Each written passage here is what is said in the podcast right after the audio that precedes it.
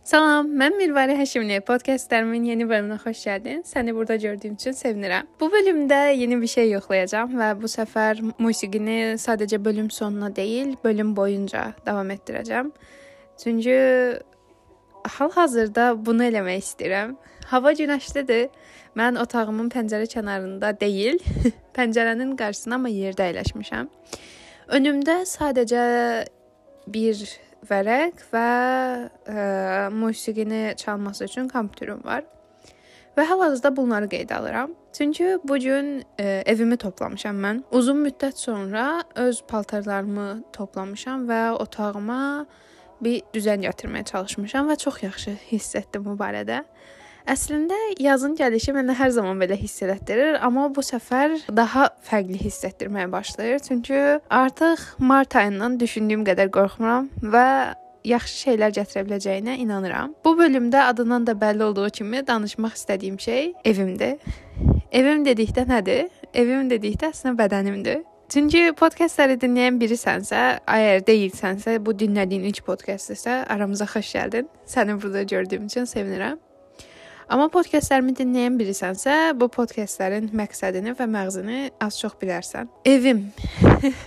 o bir söz var ya, evim evim, canım evim. Mən də həqiqətən son zamanlarda elə hiss etməyə başlamışam. Çünki əlimdən gələn hər şeyi evimin qırılan pəncərələrini, dağılmış qapısını, çatısını və bütün parçalarını yerinə yığmaq üçün sərf edirəm bütün enerjimi. Amma bunları sərf edərkən də yalnız evin içərisində qalmamağa çalışıram. Çünki evimi əgər təmiz və düzənli tutmaq istəyirəmsə, bilirəm ki, Bu sadəcə evdə olduğumda mümkün olmayacaq. Bəzən evin xaricinə çıxmalı və evim üçün bəzi şeylər toplamalıyam, amma məni güvəndə, isti və sağlam tutacaq yerində evim olduğunun fərqindəyəm. Beləliklə evim niyə bu bölümü qeyd alıram? Mən Həyatım boyunca, yəni həyatım boyunca deməyim, amma ən çox da yeniyetməlik dövrlərimdə 9-cu, 10-cu, 11-ci, hətta bu ilə kimi Azərbaycandan getmək üçün çox böyük bir istək duyurdum. Bakıdan getmək, Azərbaycandan getmək, fərqli-fərqli yerlərə, universitetlər üçün sənədlər yolluyurdum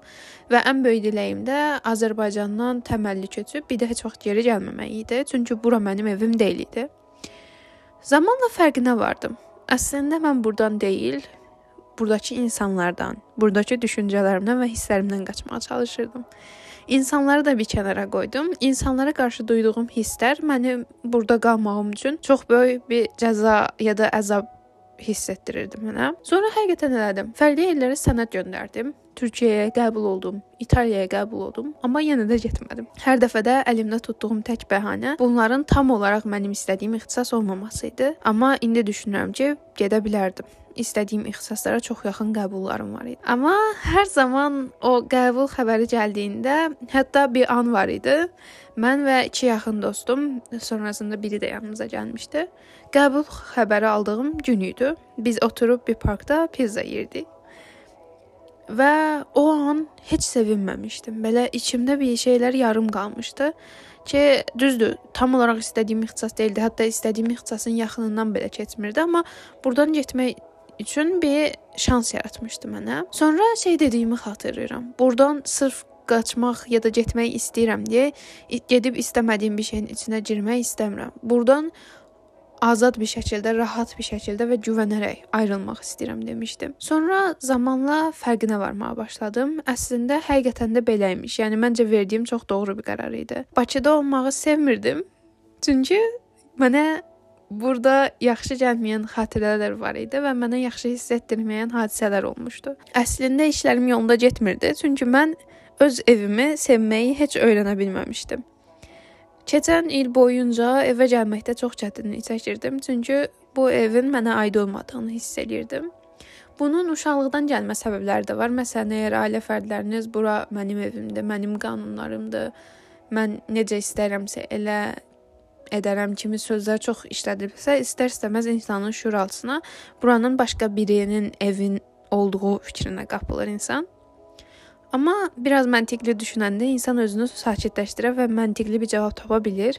onların yanlış ifadələri bizim yanlış fikrə qapılmamız üçün yetərli səbəb deyil. Mən fərqindəyəm. Bu evə doğulmuşam və bu evdə yaşamaq üçün istədiyim qədər çox azadlığa sahibəm. Çünki doğulmağı mən deyil, mənim valideynlərim seçib mənim doğulmamı. Və mənə baxmaq kimi bir məsuliyyətləri olub. Mən öz qazancımı qazanıb başqa bir yerə gedənə qədər mənə baxmaqla məsuliyyətlidirlər. Yəni burada tərs gedən ya da burada günahkar olaraq hiss edəcəyim hər hansı bir şey yoxdur. Və zamanla əslində ardıcılığı belə quraq. İlk başda mən içəri şəhəri heç sevməzdim. Hətta heç getməmişdim. Bəlkə də buna görə sevməzdim. Əslində sevməzdim sözü də çox doğru olmaz, amma orada mənə xoş gəlməyən nələrsə var idi. Getmirdim ora, heç də baxmamışdım. Sonra zamanla oranı gəzməyə başladım, amma heç vaxt da tək olmazdım. Həmişə yanımda dostlarım ya da tanıdığım biriləri olardı. Ona görə o qədər maraqlı olmazdı. Amma son zamanlarda ora yalnız getməyə, parklarında yalnız oturmağa və yalnız kitab oxumağa, küçələrini gəzərkən tam olaraq indi qoşduğum kimi mahnılar dinləməyə başlamışdım və əslində necə gözəl bir yer olduğunun fərqinə vardım. Eyni şəkildə bizim dəniz qırağında, eyni şəkildə gün batımlarında. Çünki yay boyunca İtaliyada olduğum müddətdə gün batımlarının necə qəşəng olduğunu düşünürdüm. Sonra bu yaxınlarda avtobusda gedərkən bir mövzu haqqında çox düşünürdüm. Və o an diqqətimi mənzərə çəkdi. Gün batımı. Əslində bir fərqi yox idi. Gün batımı orada necə idisə, burada da o qədər gözəl idi. Və mən o ana qədər əslində hamımızın eyni dərəcədə gözəlliyə sahib, yəni bizə eyni gözəlliyi verən bir göy üzünün altında olduğunun fərqində deyil idim. O an fərqinə varmışdım. Və belə-belə zamanla şəhərimizi və yaşadığımız yeri sevməyə başladım. Çünki mənə xoş gələn incəliklərinin olduğunun fərqinə vardım. Xoş gələn insanların, xoş gələn adətlərinin, xoş gələn mənzərələrinin olduğunun fərqinə vardım. Amma mənim ən çox fərqinə vardığım şey artıq güzgüyə baxanda gördüyüm əksin başqa birinin deyil, mənə aid olduğunu bilməyim idi. Bunun üçün də bəzi şeylər elədim, nə yalan deyim. Bəzən güzgüyə saatlarla baxmalı oldum. Hətta azı yarım saat falan baxdığım olmuşdur bunu davamlı olaraq eləyə bilməsəniz belə gedib gəlmək yaxşı təsir eləyəcəkdir. Yəni bəzən güzgünün qarşısında durub gördüyüm əksin mən olduğumu, başqa bir insanın hallüsiyası ya, ya da beynimdə yaratdığım hər hansı bir xəyal olmadığını qəbul etməyə çalışırdım. Yəni varlığımı qəbul etməyə çalışırdım. Daha sonrasında öz bədənimi tanımaq üçün müxtəlif şeylər elədim. İdman da buna yardım edə bilər. Bəzi insanlar tatu elətdirir. Bu da çox həqiqətən məncə öz aidliyini hiss etməsi üçün yaxşı yollardan biridir. Yəni mənim dəstəklədiyim yollardan biridir. Daha sonrasında təmizlik və qayğıdır. İnsan nə qədər çox öz təmizliyinə və öz qayğısına zaman ayırsa, bu bədənin ona aid olduğunun və varlığının necə dəyərli olduğunun fərqinə varır. Daha sonrasında geyindiyimiz şeylərin bizə uyğun olub olmamasıdır. Yəni həyatım boyunca əslində düşünürdüm ki, mənim belə konkret bir stilim yoxdur. Çünki mən daha belə feminen tərzdə geyinə bilməzdim. Məktəb dövrüm boyunca elə idi, maskülen tərzdə geyinərdim və özümü hər zaman özümü qoruma instinktim olduğu üçün e, feminenliyimi ortaya qoya bilməzdim ya da feminenliyimi yaşaya bilməzdim. Çünki özümü qorumalı idim və bu həyatda mövcud olmalı idim. Ona görə hər zaman saçlarım çox qısa olardı paltarlarım tünd rəngli ya da belə bol salaş, daha maskülen tərzdə olardı. Sonra zamanla anladım, özümü o qədər çox qorumağa ə, fokuslanmışam ki, öz varlığımı itirmişəm. Yəni çünki uşaq olanda çox belə çiçəkli paltarları sevən, ə, qız olmağı ilə qürur duyan biri idim. Zamanla böyüdüyümüz cəmiyyət ə, başqalarının bədənimiz üzərində söz haqqı elan etməsi, tacizlər, ə, şiddətlər, gördüyümüz bütün şeylər məndən yavaş-yavaş feminenliyimi almışdı və bu səbəblə də öz bədənimin fərqindəliyini itirmişdim. Sonra fərqinə vardım. Mən bir qadın olaraq da özümü qoruya bilərdim. Bunun üçün maskinen olmalı deyildim. Sonra özümü müdafiəni öyrəndim və özünü müdafiənin necə fərqli yolları olduğunu öyrəndim. Hətta tək bir sözün belə səni qoruya biləcəyini öyrəndim. Zamanla ətrafımdakı insanları da bu şəkildə qoruya biləcəyimi öyrəndim. Ümid edirəm bir gün heç bir uşaq özünü qorumağı öyrənməyə məcbur buraxılmaz və özünü qorumağı bilmədən də bu həyatda çox rahat yaşaya bilər. və buna ehtiyac da duyulmaz. Heç bir valideyn də buna ehtiyac duymaz. Və paltarların məsələsi də zamanla əslində özümə dair bir stil tapdım və içində mənim kimi hiss elədiyim şeylər sahib oldum. Bundan öncəki bölümdə, yəni aidlik bölümündə, bölümün adı aidlik idi. Aidlik bölümündə dediyim kimi mənə aid olan şeyləri alıram ya da mənə aid olmayan şeyləri geri verirəm. Çünki bəzən baxıram, nifrət mənə aid bir hiss deyil. Ə, necə deyim? Yəni şiddətlə duyulan bir nifrət ə, mənə çox da aid deyil. Mən biraz tez bağışlamağı bacaran bir insanam və bəzi mövzularda çox böyük bir nifrət duyuram, amma həyatım boyunca bunu daşıya bilmirəm. Daha sonrasında keçənlərdə bilmirəm bunu dinləyərmi əmin deyiləm. Bir e, söhbət olmuşdu və mən şey demişdim. Qarşıdakı insan məndə sadəcə məntiqli düşündüyünü demişdi. Mən də mənim o an belə fərqinə varmışdım ki, mən çox dolu-dolu hiss edirəm. Hər salisə mənim hisslərim dəyişir. Hər salisə beynimdə fərqli bir hissin təzahürü olur. Hətta ə, çox sevdiyim bir an var idi. Universitetlə bağlı idi. Biz bir tədbirdən çıxmışdıq. Orada qayıdarkən çox sevdiyim bir insanla qayıdırdım və o an ətrafdan musiqi səslərinin gəldiyini, rənglərin axdığını, küçələrdəki divarların rəngləndiyini, birdən-birə aydınlandığını, belə musiqi sədalarının yavaş-yavaş gəldiyini və həyatda olduğumu hiss elədiyim bir an idi. O anı xatırlayıram. O an əslində nə rəngləri görmüşdüm, nə də musiqini eşidirdim. Sadəcə onlar mənim hisslərim idi rənglər formasına düşmüşdü, notlar formasına düşmüşdü və ətrafımda dolanırdı. Və mən onları gördüyümü düşünürdüm. Və bu mənim evim üçün də keçərlidir. Bu gün dediyim kimi paltarlarımı topladım. Belə təmiz-təmiz təmizlədim bütün şkafı, belə sonra gözəl qoxular sıxdım. Sonra paltarın rənglərinə görə e, işte şalvar, yubka, e, uzun köynəklər və s. donlar olmağına görə ayırdım və hər birini ayrı-ayrı hissələrə qoydum və dedim ki, e, bu gün də duşumu alacağam özümə yaxşı baxacağam, sonra gəlib burdan paltarlarımı geyinəcəm və sonra günümə davam edəcəm deyə düşündüm. Həqiqətən də bu arada eləyəcəyim şey budur. Hal-hazırda da masamın üzərinə e, çoxdan aldığım gilin bir parçasını qoydum e, ki, suda biraz möhkəmlənmişdi. Yəni 1 ildən çoxdur almışdım və bir hissəsini işlətmişdim. Qoydum ki, açılsın, çünki e, bu havada quruyan güllərdir və mən bunlardan e, şey eləmək istəyirəm, bir qab eləmək istəyirəm. Özləmişəm bu hissi ona görə. və mənə ən çox qəribə gələn hisslərdən biri də artıq nə olursa olsun bir evimin olduğunu qəbul etməyimdir. Bu ev mənim bədənimdir. Bu evin bəzi yaraları var. Ə, bəzən qanaya bilər, bəzən də bitişib ə, qabıq bağlaya bilər və sonra bir iz olaraq qala bilər. Yema pozuntularla bağlı çıxış edərkən həm universitetdə, həm başqa insanlarla ə, etiraf edə bildiyim şeylərdən biri də bu olmuşdu. Mənim bədənimdə çapıqlar var. İzlər var. Ə, hətta doğum ləkələri var. Terapiyada ilk soruşulan suallardan biri də buymuş bu arada. Nə qədər çox bu sahədə, yəni nə qədər çox dediyim, yəni bu sahədə oxusanız belə terapiya gedəndə öyrənəcəyiniz şeylərdən biri də buymuş. Bədəninizdəki izlər sizə soruşulurmuş. Mənə də maraqlı gəldi. Niyə soruşduqlarını soruşdum və e, bəzən insanların e, doğum ləkələrinə və ya ümumiyyətlə hər hansı bir ləkəyə bədənlərində mövcud olan mənalar yüklədiyi və bəzən bəzi insanların buna pis, bəzi insanların yaxşı mənalar yüklədiyini dedi.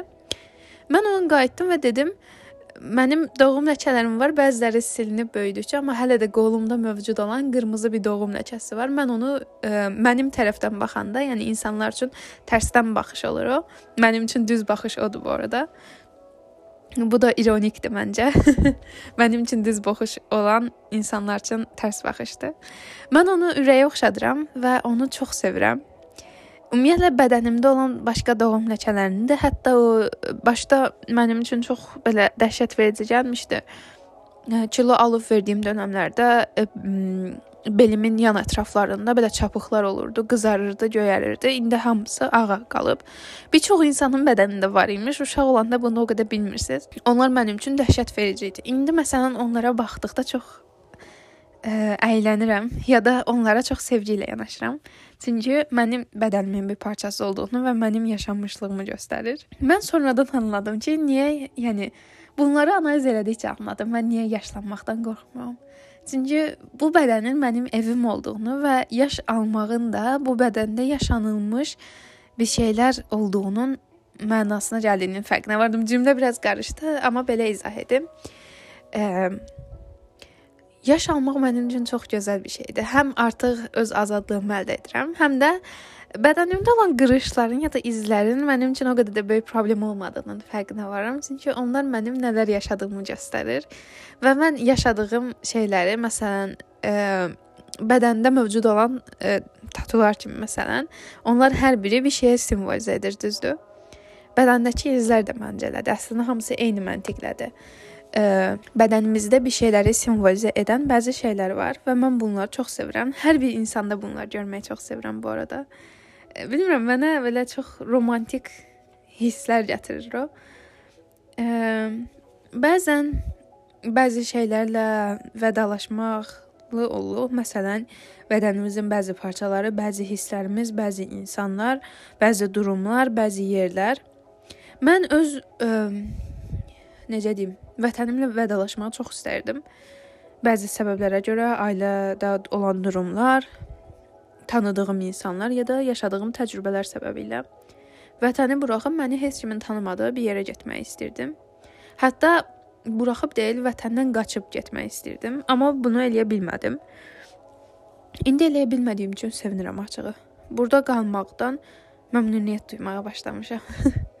Çünki mənim qaçmağı istədiyim şey insanlar imiş və o insanlarla savaşa bilməyən mənliyim imiş. Bunu bu arada başqa insanlara aid eləmirəm. Bu sadəcə mənə aiddir. Çünki mənim yaşadığım durumlarla başqalarının yaşadığı durumlarda fərqlilik ola bilər. Məsələn, ə, çox sevdiyim bir qız var. O Azərbaycandan ə, qaçaraq, yəni onun deyimi ilə qaçaraq çıxıb. Mən onun yanlış elədiyini düşünmürəm. Hətta o qadına çox qürur duyuram.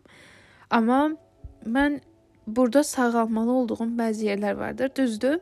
Sizi e, məhv edən mühitdə sağala bilməzsiniz, amma bir şansınız varsa o şansınızı istifadə edə bilərsiniz. Və içimdən bir səs də bir müddət daha burada qalmalı olduğumu deyirdisə, mən də ona qulaq asdım. Hal-hazırda peşmanlıq yaşamıram. Ümid edirəm də ki, yaşamayacağam. Yaşarsam da bir yolunu taparam və yenə gedərəm. Evim Evim haqqında danışmaq o qədər qəribə gəlir ki, bu arada bilmirəm bu bölümü açanda gözləntiniz nə idi? Evim haqqında danışacağım idi, yoxsa bilmirəm, yaşadığım yerlər haqqında danışacağım idi? Deyil idi, heç biri deyil idi. Evim deyəndə özüm haqqında danışmaq istəyirəm. Heç cürə uzada bilmədiyim saçlarım haqqında danışmaq istəyirəm. Çünki təzəlikcə yenidən saçlarımı kəsmə istəyi gəlir, amma bu səfər bunu etmək istəmirəm. Bilmirəm, çox istərsəm bəlkə də edərəm. Amma hal-hazırda uzatmaq üçün çox böyük bir əmək verirəm. Və müalicəm irəlilədikcə artıq saçım tökülmür. Əvvəl əlimə belə topa-topa gələn saçlarım artıq duşdaykən belə tökülmür və bu məni çox sevindirir. Üzümdəki yara izləri getməyə başlayır.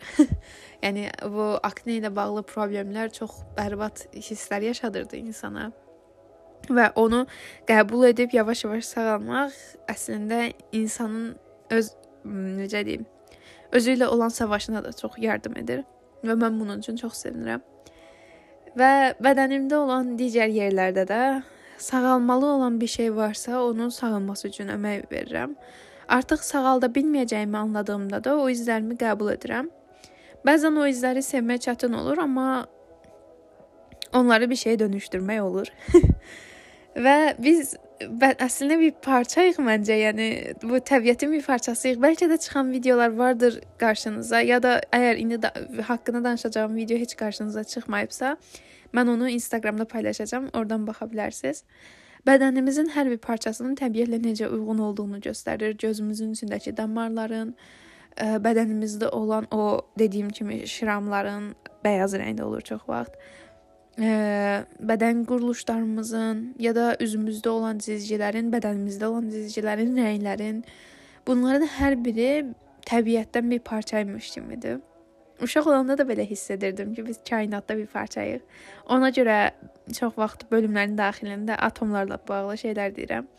Çünki bəlkə də ə, bizim atomlarımız bir-biri üçün ən doğru olan şəkildə yaradılıb. Bu səbəblə bu şəkildə yaradılmışıq. Bu cizgilərlə, bu göz qaşla, bu bədəndə. Çünki bizi tamamlayan atomlar biz bir araya gələrək bunu yaratmaq qərarı alıb. Yəni bilmirəm, bu haqqda bir çox şey ola bilər. Bəlkə də əvvəlki yaşama inanarsınız. Əvvəlki yaşama dair bir şeylər düşünərsiniz. O səbəblə bu şəkildə yaradıldığımızı düşünərsiniz. Amma məncə bizim atomlarımız bir-birinə çox güclü şəkildə çəkib. O səbəbə görə bu şəkildə mükəmməl olaraq yaradılmışıq. Yəni yaradılış şəklimiz mükəmməldir.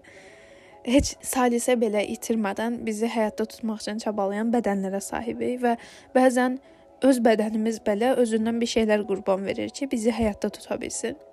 Və bunun üçün minnət duyuram mən. Ə, hər səhər məni oyandırmağa çalışan bir bədənim olduğu üçün, rəngləri hiss edə bilən, rəngləri görə bilən bir beynim olduğu üçün Çünki bəzən fərqinə varıram, rəngləri görən sadəcə gözlərim deyil, ətrafımda bir çox rəng görürəm və bu rəngləri görən şey mənim beynimdir.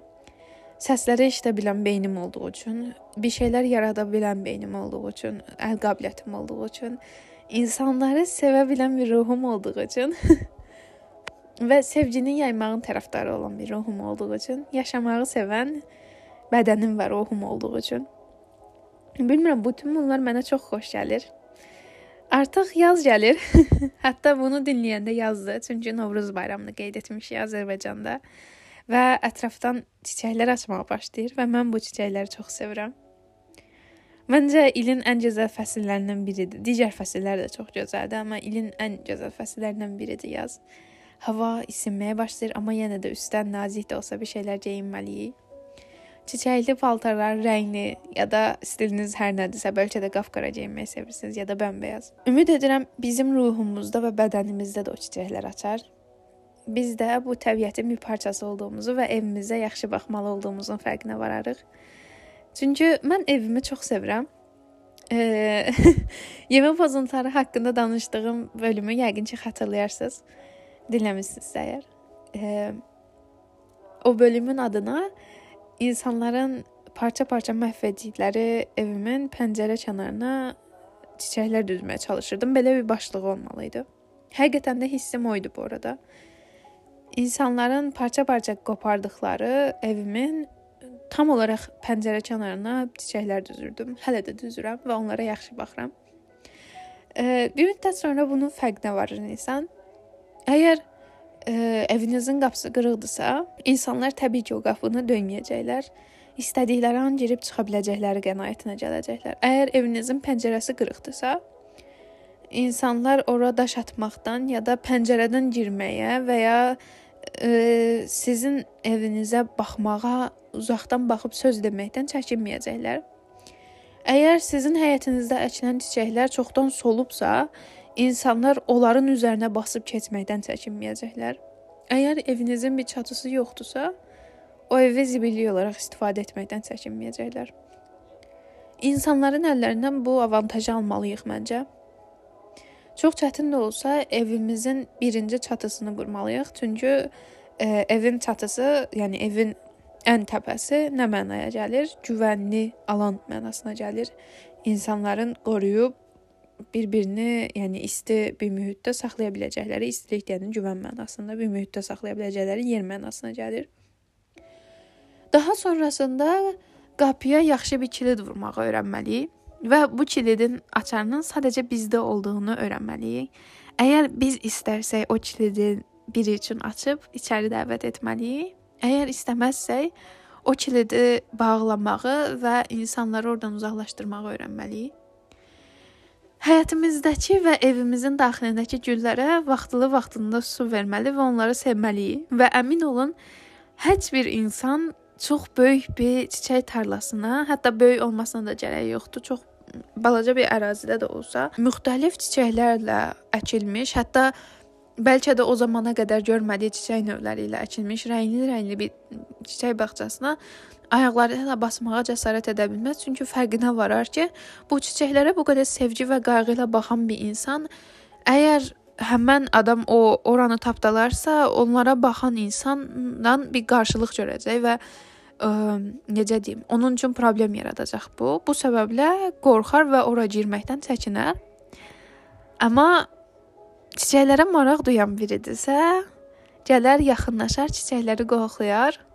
Bəlkə onların şəklini çəkər, bəlkə onlar haqqında yazı yazar, bəlkə onlar haqqında mahnı yazar, bəlkə şəkillərini çəkər sonradan boya ilə ya da karandaşla ya da dostlarına danışar, ya da o da çiçəklər əkmə qərarına gələr, öz bağçasında çiçəklər əkər, ya da ə, sizə bu gözəl çiçəklər üçün təşəkkür edər və bağçanıza heyranlıq duyduğunu deyər və beləliklə çiçək bağçanıza zərər vurmaz, amma orada olan varlığı onun üçün xoş təəssüratlar yaradar. Əgər ə, e, çiçəkləri sevməyən biridirsə, oradan çox-çox tez qısa bir müddətdə uzaqlaşıb gedər. Çünki sizin onlara necə qayğı ilə baxdığınızın fərqində olar və görər ki, siz o çiçəklərə sevgi və qayğı verməkdən nifrət hissinə və boş-boş zaman itirmə hissindən çox uzaqdasınız. Bu səbəblə sizi də çiçəkləriniz də rahat buraxar. Evimizin pəncərəsinə gəldikdə isə evimizin pəncərəsi bizim üçün hava mənbəyidir. Çünki qapını açıq tuta bilmirik güvənlik səbəbilə, amma pəncərəni rahatlıqla açıq tuta bilirik çox zaman. İçəri hava dolması və təmizlənməsi üçün. Pəncərəmizin bizim çölə baxdığımız yer oldu və bəzən təmiz hava üçün, bəzən qarı, bəzən yağışı, bəzən küləyi, bəzən də sadəcə quşların səsini dinləmək üçün istifadə etdiyimiz bir yer olması, gün batımlarını, gün doğumlarını ya da tam olaraq gün ortanı izləmək üçün istifadə etdiyimiz bir yer olduğunun fərqinə varmalıyıq. İnsanlar burdan bizi daşlamamalı və onlara bu fürsəti verməməliyik. Həmçinin pəncərə önünə qoyduğumuz çiçəkləri də çox gözəl yetişdirməliyik ki, insanlar pəncərədən içəri baxmaq istədiklərində görə biləcəkləri şey dağınıq bir ev olarsa, necə aqressiya ilə gələcəklərini və bunu necə avantaja çevirəcəklərini dedim. Məncə heç bir qarşısında çiçəklər qoyulmuş hər bir ev başqa insanlar tərəfindən ya huzuru oyandırar, ya da görməzdən gəlinib uzaqlaşar. Bunun səbəbləri də məncə çox açıqdır. Bu səbəblə birinin bizim üçün evə çiçək alıb gəlməsini gözləmək əvəzinə, çünki o çiçəklər çoxdan solub gedəcək. Məncə öz çiçək bağçamıza yaxşı baxmalıyıq. Çünki toxumlar hər zaman torpağa əkilidir. Sadəcə sevgimizi və sularını vaxtında vaxtında verməliyik. Küləkdən, yağışdan, tufandan qorumalıyıq. Bəzən isə qoruya bilməyəndə tələf olmalarını izlədiyimizdə çox üzülə bilərik, amma yenidən çıxacaqlarını bilməliyik. Qış zamanı ağaclarımızın budaqlarındakı e, çiçəklərin, hətta meyvələrin belə ə, e, yarpaqların töküləcəyini bilməliyik. Amma yenidən yaz gəldiyində çiçəklənəcəyinin fərqinə varmalıyıq.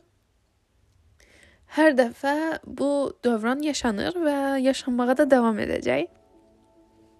Bu səbəblə əsas sevdiyimiz şeylərə tutunmalı evimizin çatısını hər hansı bir tufanın uçurmasına ya da hər hansı bir insanın gəlib də o qapını qırıb içəri icazəsiz girməsinə icazə verməməliyik. Pəncərəmizin daşlanmasına icazə verməməliyik. Çünki bunlar bizi sağlam həyatda tutan şeylərdir və nə qədər çətin olursa olsun, nə qədər çox sevərsə sevək, hər hansı bir insanın, hər hansı bir hadisənin bunları eləməsinə icazə verə bilmərik. Çünki siz sırf ə, necə deyim, tufan var deyə evinizin çatısının uçmasına normal baxarsınızmı? Yox. Usta niyə düzgün qura bilməyib deyərik. O burdakı usta bizi biz niyə düzgün qura bilməmişik ki, hər hansı çıxan bir tufanda evimizin çatısı uçsun, getsin. Ya da əgər e, necə deyim, biz dipçəkdə bir gül alıb gətirsək evə və o 2 gün sonra solub getsə, bir anlıq fərqinə varacaq ki, ha, torpağı yaxşı deyil imiş. O zaman niyə yaxşı torpağı əkmirdik ya da əkilən torpağın niyə yaxşı olması və sağlam bitki böyütməsi üçün şərait yaratmırdıq ya da ola bilsin ki, bizə verilən torpaq ya da bizim gəldiyimiz torpaq, yəni həyatımızda olan torpaq sağlam torpaq olmasın, zəhərli maddələrlə dolu olsun. O zaman niyə o torpağa sahibkən onları təmizləmək üçün əlləşmirdik? Çünki dünyada minlərlə torpaq var və biz e, çətin də olsa o torpağı dəyişdirə bilərik. Gübrələr ata bilərik, meyvə qabıqlarını gübrəyə çevirib ata bilərik. Öz sevgimizi qata bilərik və o torpağı yoğurub, yoğurub, şumlayıb, şumlayıb təmiz hala gətirə bilərik, sulaya bilərik və çiçəklər əkə bilərik. Ə, və necə deyim, bir çiçək bağçası yarada bilərik, sonra çiçək tarlası yarada bilərik. Qonşularımızla birləşə bilərik. Sevdiyimiz insanları dəvət edə bilərik, onlar da çiçək əkə bilər. Ki, zaten belə olur. Birini sevdiyimizdə o bağçaya gəlib çiçək əkməlidir məncə. Oradakı çiçəkləri qoparıb getmək əvəzinə. Çünki məncə birini sevmək bu mənaya gəlir. Bunu da gec anladım. Yəni nisbətən, amma hələ ki 20 yaşım hələ tamam olmayıb. Məncə o qədər də gec sayılmaz. Hələ də bir qurtarma şansım var. E, məncə bunlara diqqət etməliyik. Yəni evim evim, gözəl evim haqqında danışanda demək istədiyim şeylər bunlar idi. Mən artıq çiçəklərimə özənlə baxmağa başlamışam və o çiçəkləri sırf çox sevdilər deyə qoparılmasına icazə vermək istəmirəm. Ola bilsin bəlkə bir toxumunu verdim, siz də əkə bilərsiniz dedim. Ya da onlara eyni çiçəyin dibçəyini də hədiyyə elədim, amma artıq bağçamdan qoparılmasına icazə verə bilmərəm. Çünki mən onları çox sevərək böyütmüşəm və onların olmalı olduğu yer mənim bağçamdır. Əgər çox istəyirsənsə, sən də eynisindən böyüdə bilərsən. İmkansız bir şey deyil. Çünki əgər mən o torpaqda onları böyüdə bilmişəmsə, sən də öz torpağında onları böyüdə bilərsən çətin olduğunun fərqindəyəm. Amma asan olanda bir şey yoxdur dediyimiz kimi və bir biraz çalışarsaq bir şeylər ola biləcəyinin fərqinə vara bilərik və bəzən fərqinə varmalıyıq ki, hər çiçək hər torpaqda böyüməz. Amma hər bir çiçəyin ya da çiçək atan bitkinin böyüdüyü bir torpaq vardır. Bu səbəblə ümidsizliyə qapılmağa da gərək yoxdur məncə. Yaralarımdan açan çiçəkləri də Evimin önündəki çiçəkləri də, bütün bədənimdə çıxan çiçəkləri də çox sevirəm.